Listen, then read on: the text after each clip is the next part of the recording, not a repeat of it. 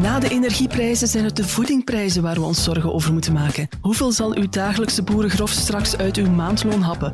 Zorgen maken ze zich ook in de wedstrijd. De position switch die CD&V doorvoerde in de Vlaamse regering kan wel eens voor deining gaan zorgen, die verder gaat dan enkel de eigen partij. En wie heeft er baat bij dat straks ook 16-jarigen mogen gaan stemmen bij de Europese verkiezingen? Mijn naam is Anne van den Broek, dit is Lopende Zaken. Lopende Zaken. Een podcast van de morgen. En om het extra gezellig te maken zijn we met twee Anne vandaag. Er was deze week namelijk weer heel wat CD&V-nieuws uh, te rapen. En dus is onze christendemocratische watcher uh, Anne de Boek er uh, komen bij zitten. Dag Anne. Hey. hey hallo. Paul Notertijers, binnenlandsjournalist, weet waarom we ons echt zorgen moeten maken over de voedselprijzen. Dag Paul. Hey Anne. En Bart Eekhout, hoofdcommentator van De Morgen, die gaat het deze week eens niet over voetbal hebben. Hè? Nee, jammer genoeg. Misschien zijn de luisteraars blij, Bart. ja, jongens, over, die, over de droogte praten terwijl er uh, letterlijk een onweer boven ons hoofd hangt. Um, wij kunnen dat, hè. Maar, maar um, hoe hard dat we het ook zouden willen, uh, die regen die gaat het fundamentele probleem niet oplossen. Want het is weer die tijd van het jaar dat het grondwaterpeil zich in onze dagelijkse vocabulaire heeft genesteld. Hoe zit het precies met dat grondwaterpeil? Mogen we onze gazon nog sproeien en de zwembadjes vullen? Ja, ik ben uh, heel blij dat ik vandaag het verlossende nieuws kan brengen. Dat alle waterestafettes die gepland stonden voorlopig kunnen doorgaan. En dat op de dag des heren de auto nog gewassen kan worden. Want we zitten momenteel in code geel. Wat betekent dat er wel een aantal preventieve maatregelen gelden als het over de droogte gaat. Maar die hebben geen hele grote impact op de levens van burgers. Dat gezegd zijnde, daar houdt het goede nieuws ook al meteen op. Want het grondwaterpeil in ons land is ook wel behoorlijk laag momenteel. Begin mei werden er metingen gedaan en in twee derde van de Vlaamse meetpunten was de grondwaterstand laag of extreem laag voor de tijd van het jaar. Om dat concreet te maken, we zitten momenteel met een neerslagtekort van ongeveer 100 mm en de verwachting is dat dat zal stijgen tot 150 mm, waardoor experts toch wel bezorgd zijn over wat de komende weken en maanden zullen brengen. -hmm. Dus het mag wel, maar slim is het misschien ook niet om uh, zwembaden te gaan vullen en uh, auto's te gaan wassen. Ja, inderdaad. Ik denk dat het sowieso uh, belangrijk is om uh, voorzichtig met water om te springen. Zeker omdat we voor de vijfde keer in zes jaar tijd eigenlijk met een bijzonder droge periode geconfronteerd worden. En ja, je kan misschien denken van waarom doet dat ertoe of waarom mm -hmm. zou dat mij persoonlijk iets, iets aanbelangen. Ja, water is natuurlijk, ik hoef daar geen tekeningetje bij te maken, belangrijk voor alle facetten in het leven. Het moment waarop er geen water meer uit de kraan komt om te douchen is misschien nog vrij, vrij ver af. Maar er zijn vandaag wel degelijk al segmenten binnen het land waarin het tekort aan water wel degelijk gevoeld wordt. Ja, zoals de landbouw, denk ik dan. Denk bijvoorbeeld aan de landbouw, uh, inderdaad, waar dat er gewassen zijn die minder goed groeien, waar er graangewassen gezocht moeten worden, bijvoorbeeld die beter tegen die periodes van droogte bestand zijn. Mm -hmm. uh, omdat we ook in de komende jaren door de klimaatverandering vaker geconfronteerd zullen worden met langere periodes van droogte en afgewisseld met meer hevige onweders. Je zegt al, het is de vijfde keer in zes jaar tijd uh, dat we met droogte te maken zullen hebben.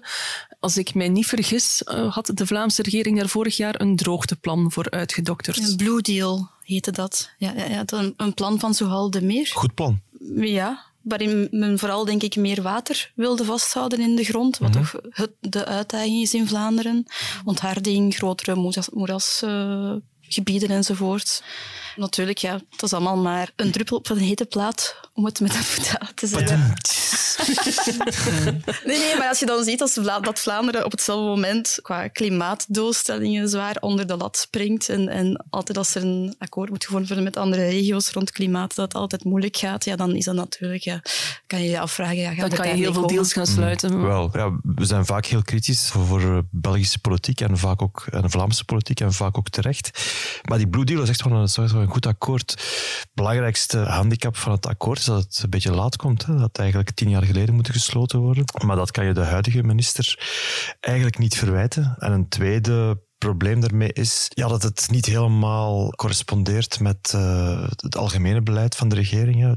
Heel belangrijk voor, om, om, om te zorgen dat we onze waterhuishouding terug een beetje op, uh, op peil krijgen, is denk ik ook ja, dat we iets doen aan, aan, aan, aan de, de, de ruimtelijke verrommeling, aan alles volbouwen, ja, de betonering, beton. de betonstop dus de, is... De, de zogenaamde ontharding. kadert ook in dat uh, dus, plan. En, en dan zie je dat daar de, de, de regering, maar eigenlijk vooral ook lokale bestuur, echt wel met de handrem op blijven rijden en dat die betonstop, die is aangekondigd in lengte van jaren vooruit, ik denk 2040. Uh, dat is nog een heel eind weg, maar dat, dat zie je nu al dat gemeenten volop bezig zijn met alles wat ze nog kunnen verkavelen, te verkavelen. En dat het probleem eigenlijk nog erger wordt. En dat staat dus haaks op die Blue Deal. En dus eigenlijk. Dwingt de regering zichzelf op kosten door die Blue Deal wordt steeds duurder natuurlijk, omdat je moet remediëren wat je op andere beleidsdomeinen eh, niet goed doet. Maar die Blue Deal die is wel al in actie. Daar, wa- Ja, ja, ja, daar ja. wordt al wel, daar zijn al zaken van uitgevoerd. Ja. Daar wordt in geïnvesteerd, maar ik vraag me wel af inderdaad of die ambitie wel groot genoeg is momenteel. Um, een van die speerpunten in het plan bijvoorbeeld is om de zogenaamde wetlands te herstellen. Dat zijn van die um, draslanden in rivierba- eh, riviervalleien die op een natuurlijke manier overstroomd worden. En vandaag zouden we dat waterrijke gebieden noemen, omdat um, ja, die, die zijn belangrijk voor de wateropslag, maar die beschermen ons bijvoorbeeld ook bij overstromingen. Nu, pakweg 50 jaar geleden werd daar anders over gedacht. Die uh, gebieden zijn grotendeels drooggelegd. Ik heb die cijfers opgezocht. In 1950 was er nog 244.000 hectare aan wetlands. In 2017 bleef daar nog 68.000 hectare van over.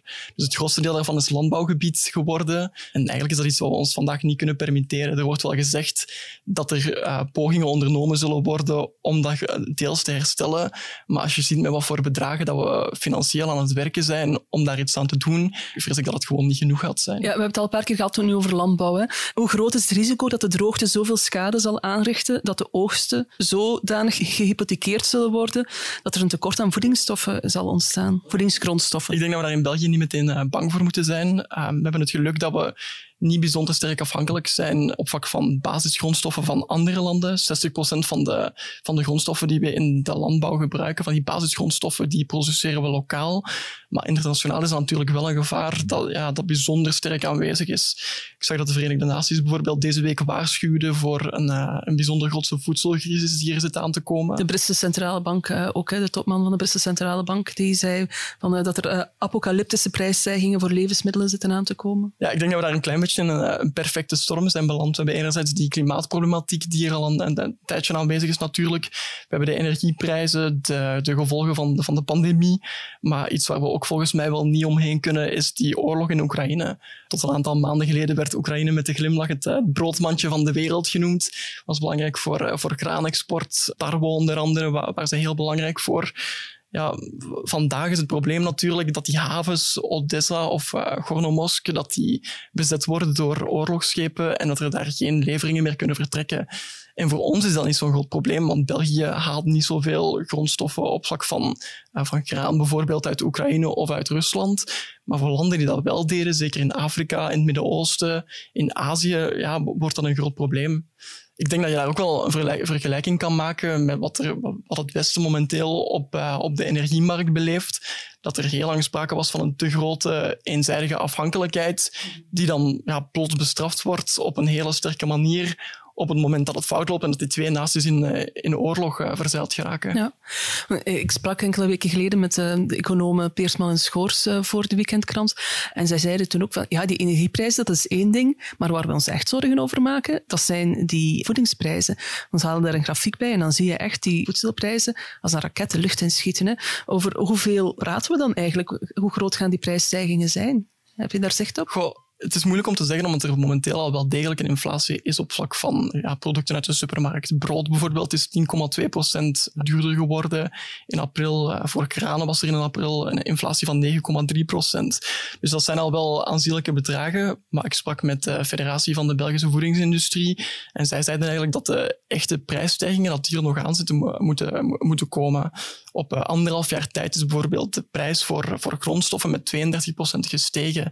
Dat zijn dingen die we in de supermarkt vandaag bij het afrekenen nog niet echt voelen. Nee, dat is nog niet doorgerekend. Ja, inderdaad, omdat er heel vaak met lange termijncontracten wordt gewerkt. En dat zorgt voor leveranciers wel voor problemen, omdat zij soms aan contracten vastzitten, waarbij bepaalde bedragen of aankoopsommen zijn afgesproken, maar ondertussen lopen hun kosten wel op.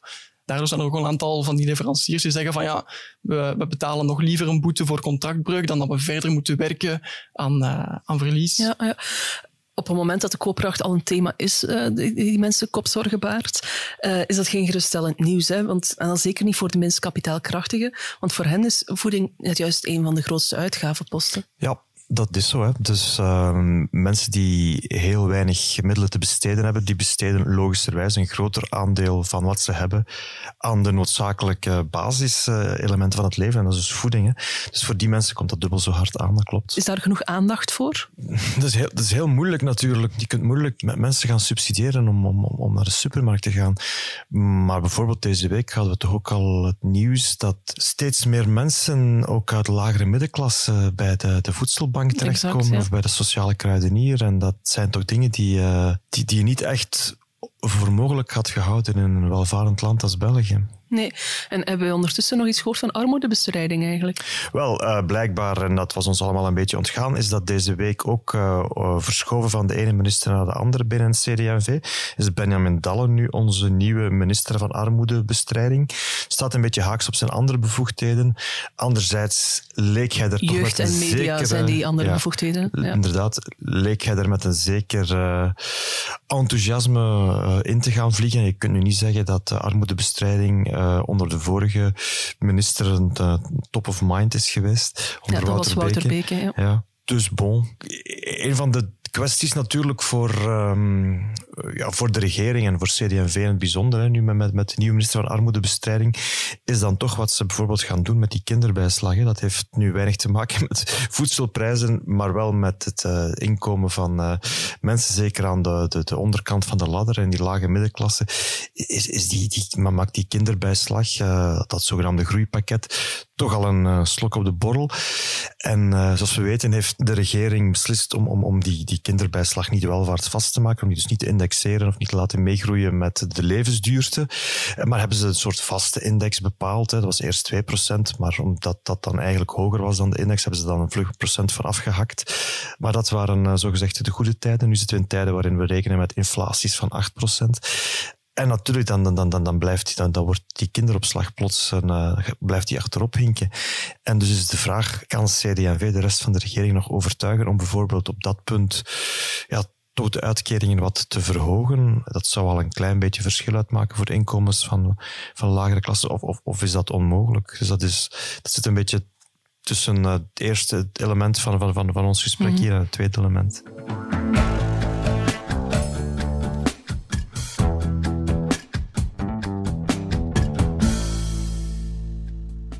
Wat is vandaag eh, aan de orde? Er is een conceptnota dat het kader creëert voor het stikstofbeleid. Daar ligt vandaag een openbaar onderzoek. Dat wil dus zeggen dat elk individueel Vlaams land- en tuinbouwbedrijf kijkt wat is de impact van dat akkoord voor mijn bedrijf.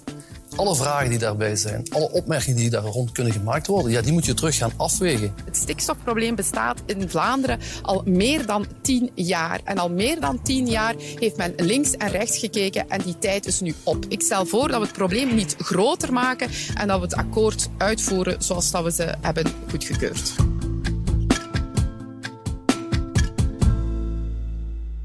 Richten we onze blik op onze favoriete boulevard, eh, de Wetstraat. Om juist te zijn, eerst even op het Martelarenplein, want daar huist die Vlaamse regering. Die kreeg eh, deze week een reshuffle na het ontslag van Wouter Beke vorige week. Hilde Krevits, die al vice-minister-president was, neemt het departement Welzijn over. Haar bevoegdheden, werk en landbouw, gaan dan weer naar een nieuwkomer, van wie we intussen bovenal weten dat hij graag bokenskook eet.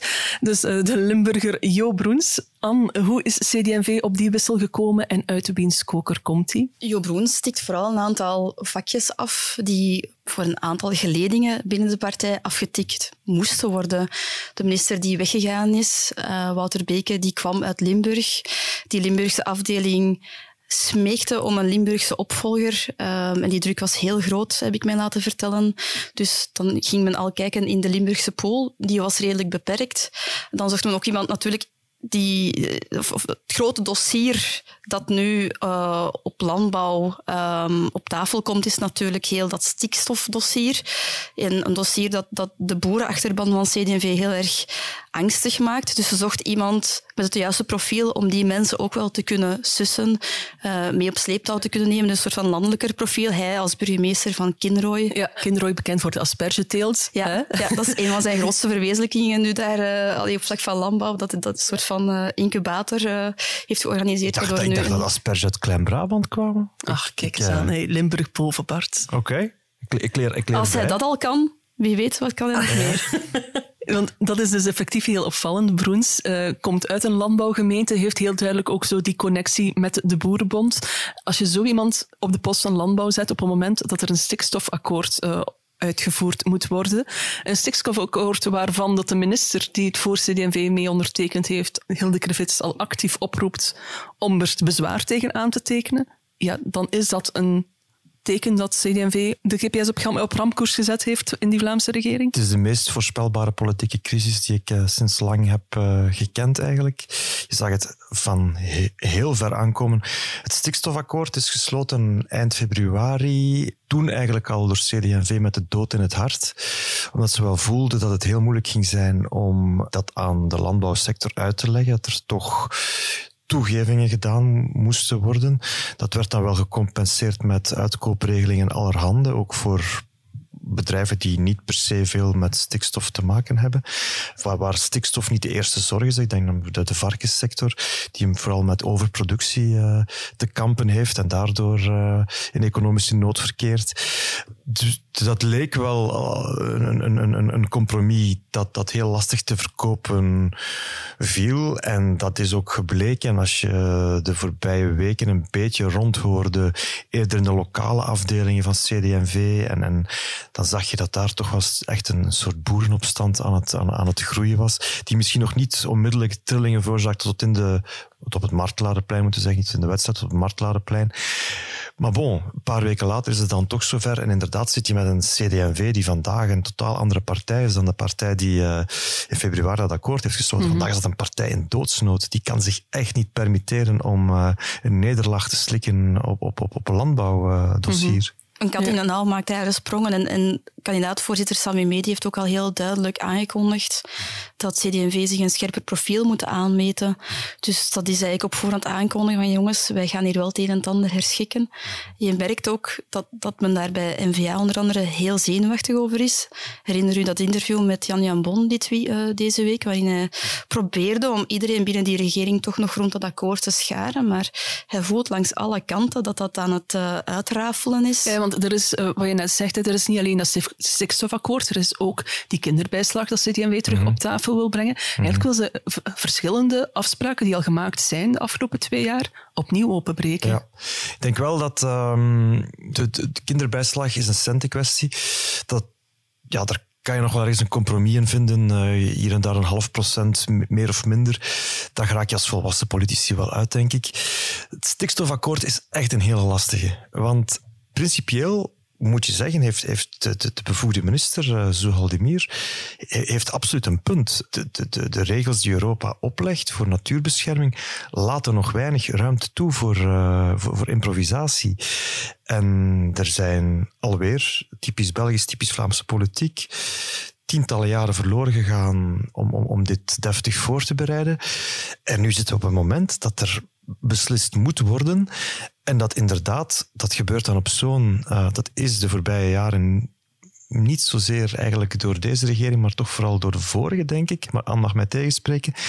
Is de, de, deze beslissing voorbereid op zo'n knullige, politiek gemanipuleerde manier. Men heeft uh, rangschikkingen uh, veranderd om, om, zo weinig mogelijk bedrijven een rode stempel te geven, maar waardoor uh, dat heel onrechtvaardig voelt voor een aantal bedrijven die plots dan wel die rode stempel krijgen, die niet goed weten waarom wij wel en waarom de buren niet.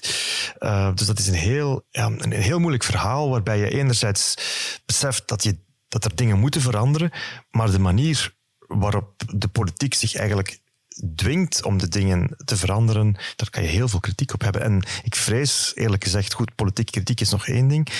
Maar waar ik vooral voor vrees is dat, dat ik ook mij afvraag of, of, of, of dit akkoord, als het al blijft bestaan, of dat voor de rechter gaat standhouden. Mm -hmm. Je vraagt je af dan of, of dat, dat, dat CD&V die boeren dan ook echt een, een plezier doet. Hè? Want het grote probleem is natuurlijk dat er grote rechtsonzekerheid is nu voor boeren om een nieuwe vergunning te krijgen als ze willen uitbreiden of nieuwe activiteiten willen starten.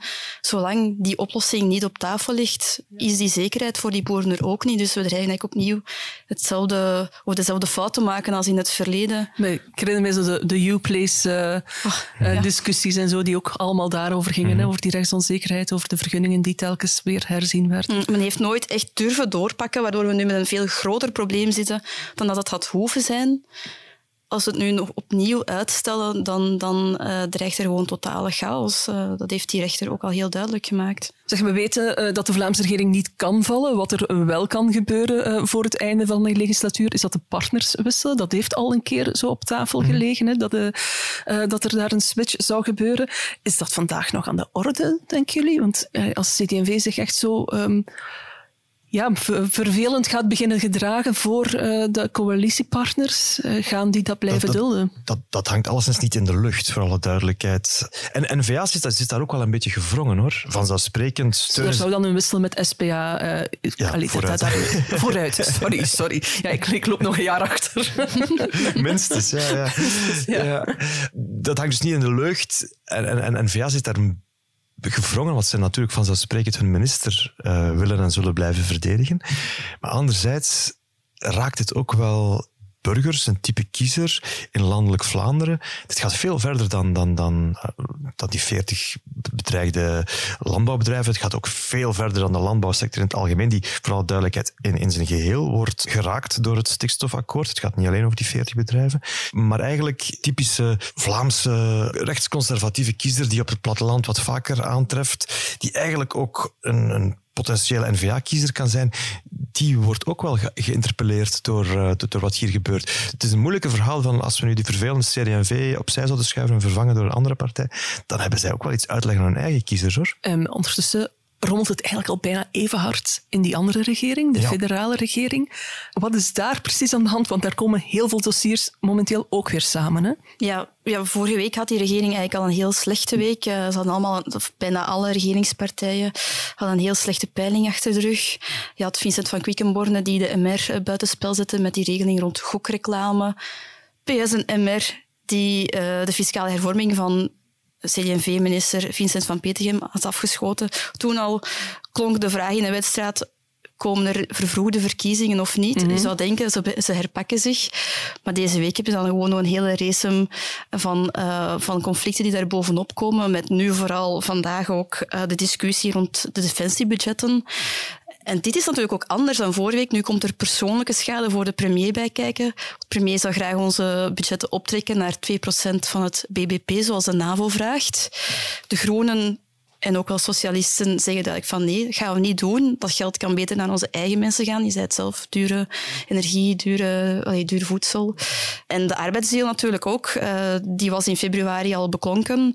Dat was natuurlijk eh, het grote vehikel waarmee deze regering de werkzaamheidsgraad wilde verhogen. Een van haar prioriteiten. Die komt er voorlopig ook niet. Daar moet men opnieuw over onderhandelen. Dat moet je me nu toch even uitleggen, Anne. Want die arbeidsdeel die is er gekomen onder leiding van minister van Werk Dermagne, van PS. Exact, ja. En wie houdt die deal nu tegen? Dermanja.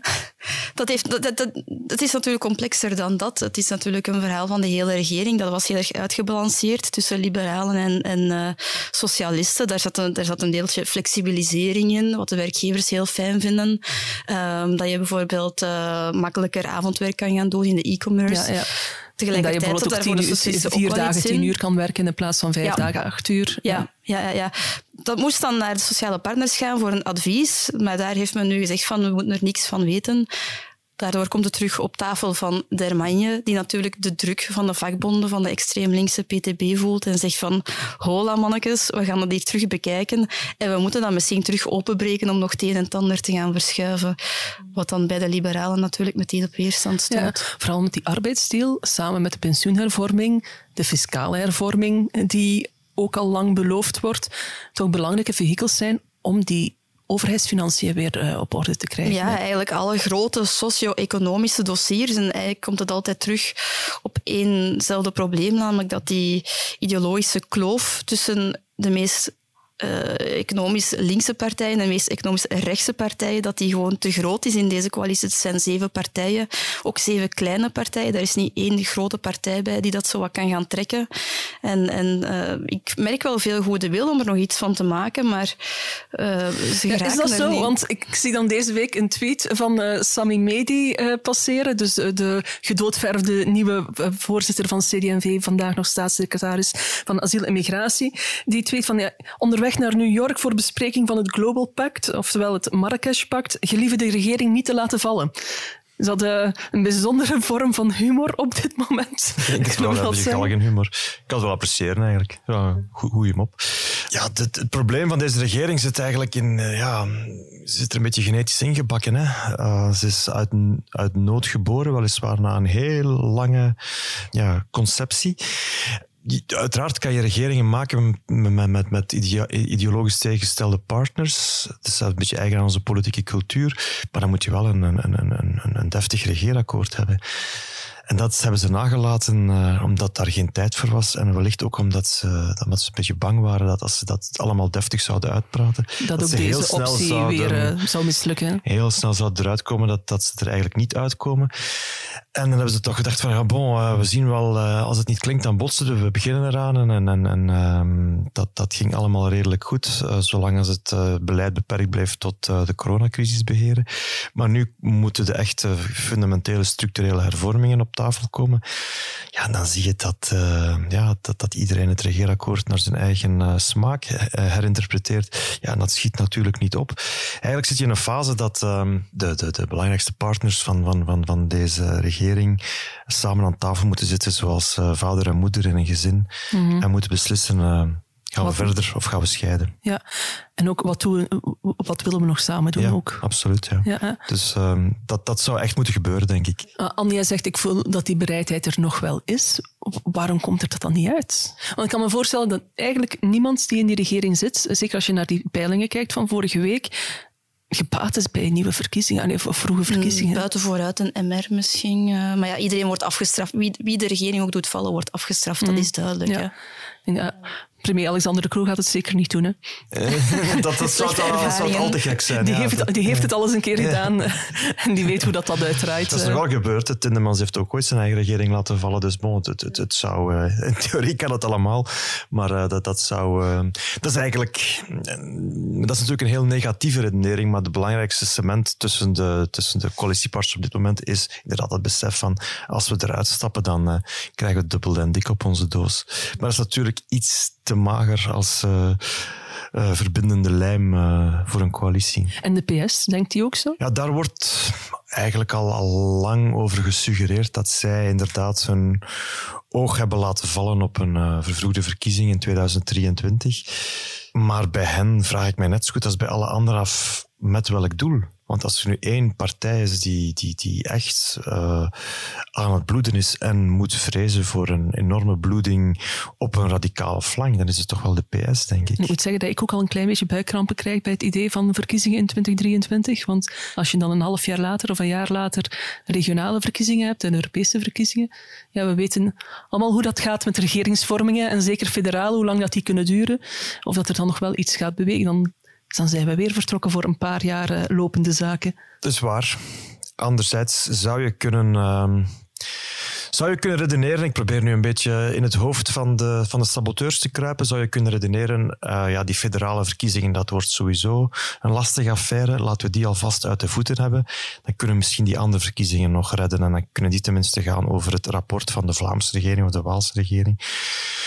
Niet dat ik daar nu per se uh, heel erg trots uh, met de trompet op kop uh, over zou gaan lopen toeteren. Hm.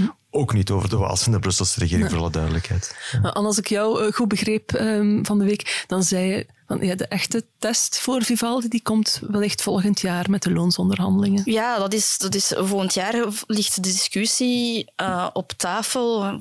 Of de vraag, is er marge voor loonsopslag?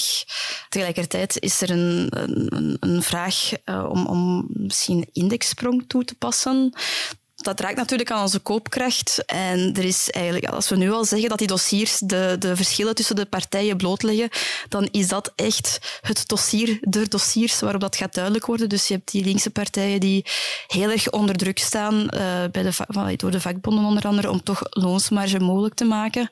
Daar moet een wet voor aangepast worden. Uh, en anderzijds die de liberalen die heel erg onder druk staan om uh, misschien iets van indexsprong mogelijk te maken. Iedereen verwacht wel dat dat niet mogelijk gaat zijn, maar er gaat toch echt een forse discussie over volgen. En sommigen voorspellen dat dat, dat zo wat het kraakmoment zou kunnen zijn voor de regering. En wat voorspel jij? 2023 of 2024? Ik blijf optimistisch. En vergeet wel niet dat 23 dat dat maar eigenlijk... dat ja, dat kan... Nee, dat hangt een beetje vanaf van je standpunt. Hè? ik blijf constructief, ik zal het zo zeggen. Ik denk dat er heel veel, heel veel problemen nog aan te pakken zijn op dit moment. Ik denk dat iedereen er baat bij heeft om uh, toch een soort van doorstart te maken. Ik vermoed ook dat er echt wel pogingen toe gedaan worden op dit moment. Dat hoor je toch ook in de wedstrijd. Dus ik blijf voorlopig uh, optimistisch. Ik denk dat ze doorgaan tot 24. Uh. Ik kan me ook niet voorstellen dat je uh, als centrumrechtse partij naar de kiezer wil stappen op een moment dat, uh, we hebben het er net gehad, het brood uh, en alle andere dingen in prijs zeggen van wij willen een indexsprong. Ik denk niet dat dat een geweldige verkiezingscampagne gaat zijn, ook niet voor een rechtse partij.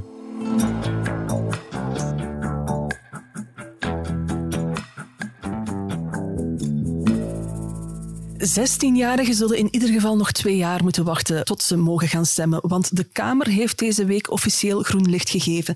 Bij de Europese verkiezingen van 2024 zullen ook 16- en 17-jarigen hun favoriete bolletjes mogen gaan kleuren. België is na Oostenrijk, Griekenland en Malta daarmee het vierde land dat zo gevolg geeft aan een Europese vraag. Paul, jij was gisteren nog 16, denk ik. Hè? Ongeveer, ja. Ongeveer, ja. Wat ben je nu? 24? Uh, 24. 24, ja. voilà. Um, zou jij gaan stemmen zijn?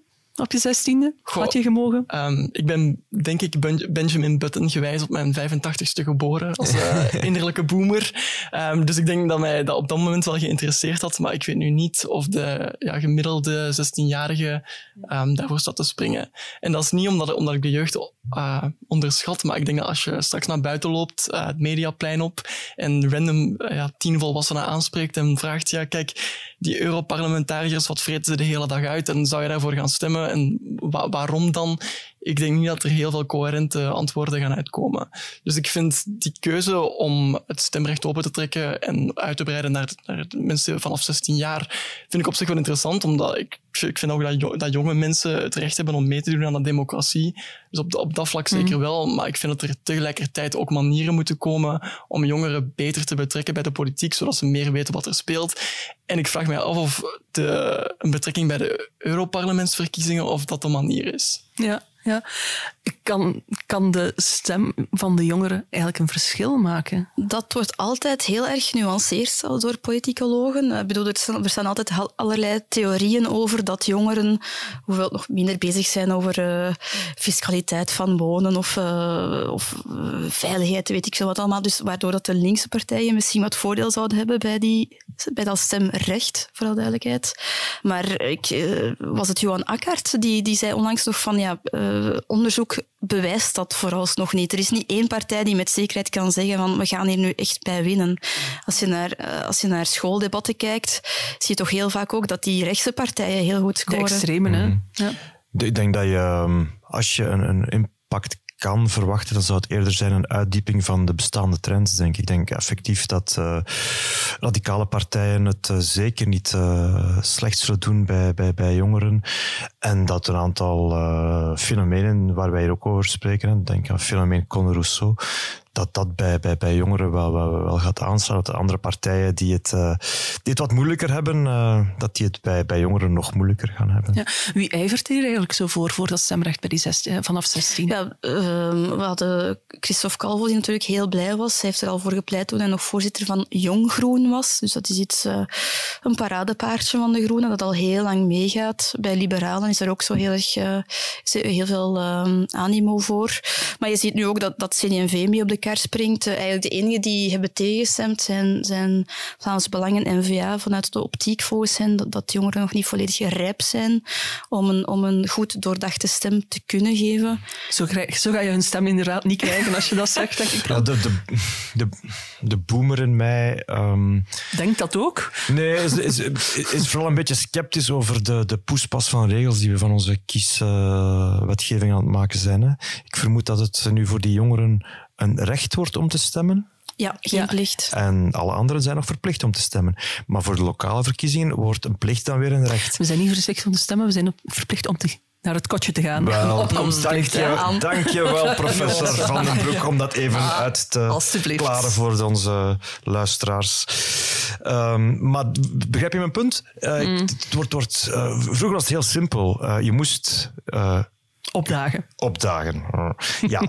en nu moet je er eigenlijk al een soort kalender gaan bijhouden bij welke verkiezing je wel al dan niet mag of moet gaan stemmen. En dan wordt het wel... Uh, wordt het wel heel lastig. Hmm, vooral die uitholling van de stemplicht is, is uh, wel zorgwekkend. Want, want uh, er haken mensen af, dat weten we zeker. Dat hebben we bijvoorbeeld ook in Nederland gezien, waar de opkomstplicht al lang is afgeschaft. En, en als je dan gaat kijken naar die afhakers, dan zijn die ook niet gelijk verdeeld over alle nee, sociale lagen. De gematigden ook, die, ja, ook al. Ja. Dat creëert een soort van spreidstand, dat de mensen die natuurlijk het, het meest vertegenwoordiging nodig hebben in de politiek, dat die er net afstand van nemen. Um, en dat is nu hetzelfde met die 16-jarigen.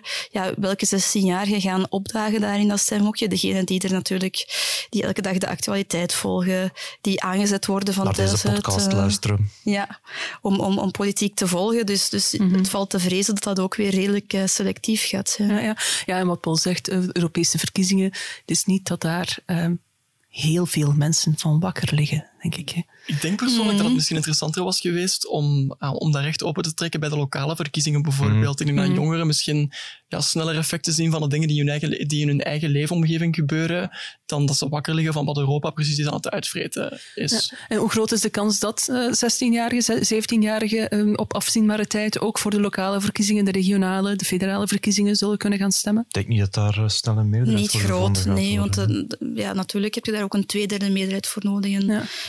die is er op ja, want moment natuurlijk, die Vivaldi-regering, het parlement ook, heeft dat uh, nu goedgekeurd voor Europese verkiezingen. Dan zeg je, ja, dat is een meerderheid van partijen. Dan kan dat ook voor binnenlandse verkiezingen. Maar ja, zo simpel daarvoor is het dus moet, niet, denk, ik, denk ik, de grondwet aangepast worden. Ja. En, en heb je sowieso een, een, een complexere meerderheid nodig, die op dit moment volgens mij niet haalbaar is. Er staan natuurlijk ook grotere belangen op het spel dan, uh, dan bij de Europese verkiezingen. Ik zag wel dat Vlaams Belang en zo um, ja, tegen, die, tegen die wet stemmen, omdat ze vinden dat, de, dat die rechten van 16 jaar, dat er, dat er rechten, rechten verbonden zijn aan meerderjarig worden. Maar op zich ja, ik weet niet of jullie dat precies begrijpen, waarom dat ze dat precies vinden, omdat ze er electoraal toch wel garen bij zouden kunnen spinnen. Hoe ik het begrepen heb, uh, ja, gaat het inderdaad voor hen om een verhaal van rechten en plichten. En enkel iemand die al de verantwoordelijkheid voelt van een job uitoefenen, een huis afbetalen, samenwonen, weet ik veel wat allemaal. Enkel zo iemand beseft wat we echt nodig hebben in een samenleving. Um, dus het is een soort van, ja, het is natuurlijk een heel betuttelend idee. Zeggen, dat een redelijk patriarchale visie op uh, wie, uh, wie, wie, zal, wie mag Absoluut, stemmen. Ja, jongeren hebben misschien andere prioriteiten, maar zijn ze daarom minder waardig? Dat hebben we ook gezien in de coronacrisis. Hè. Er is heel veel kritiek op gekomen, de manier waarop jongeren hebben afgezien in die eerste maanden. Misschien als zij beter vertegenwoordigd hadden geweest, dat het, dat het er iets anders had uitgezien. Dus misschien toch maar eens herbekijken nog. Anne, Paul, Bart, hartelijk bedankt voor jullie komst. Ook een grote dankjewel aan Dries Vermeulen, onze man aan de knoppen van de podcast. Volgende week zijn we er uitzonderlijk niet en geniet ook lopende zaken van een lang weekend. Maar niet getreurd, want zo heeft u tijd over om de andere uitstekende podcasts van de morgen te beluisteren in uw favoriete podcast-app. En mocht u ons in de tussentijd iets willen vertellen, dan kan dat op podcasts.demorgen.be. Dan wens ik u een heel prettig weekend en tot over twee weken.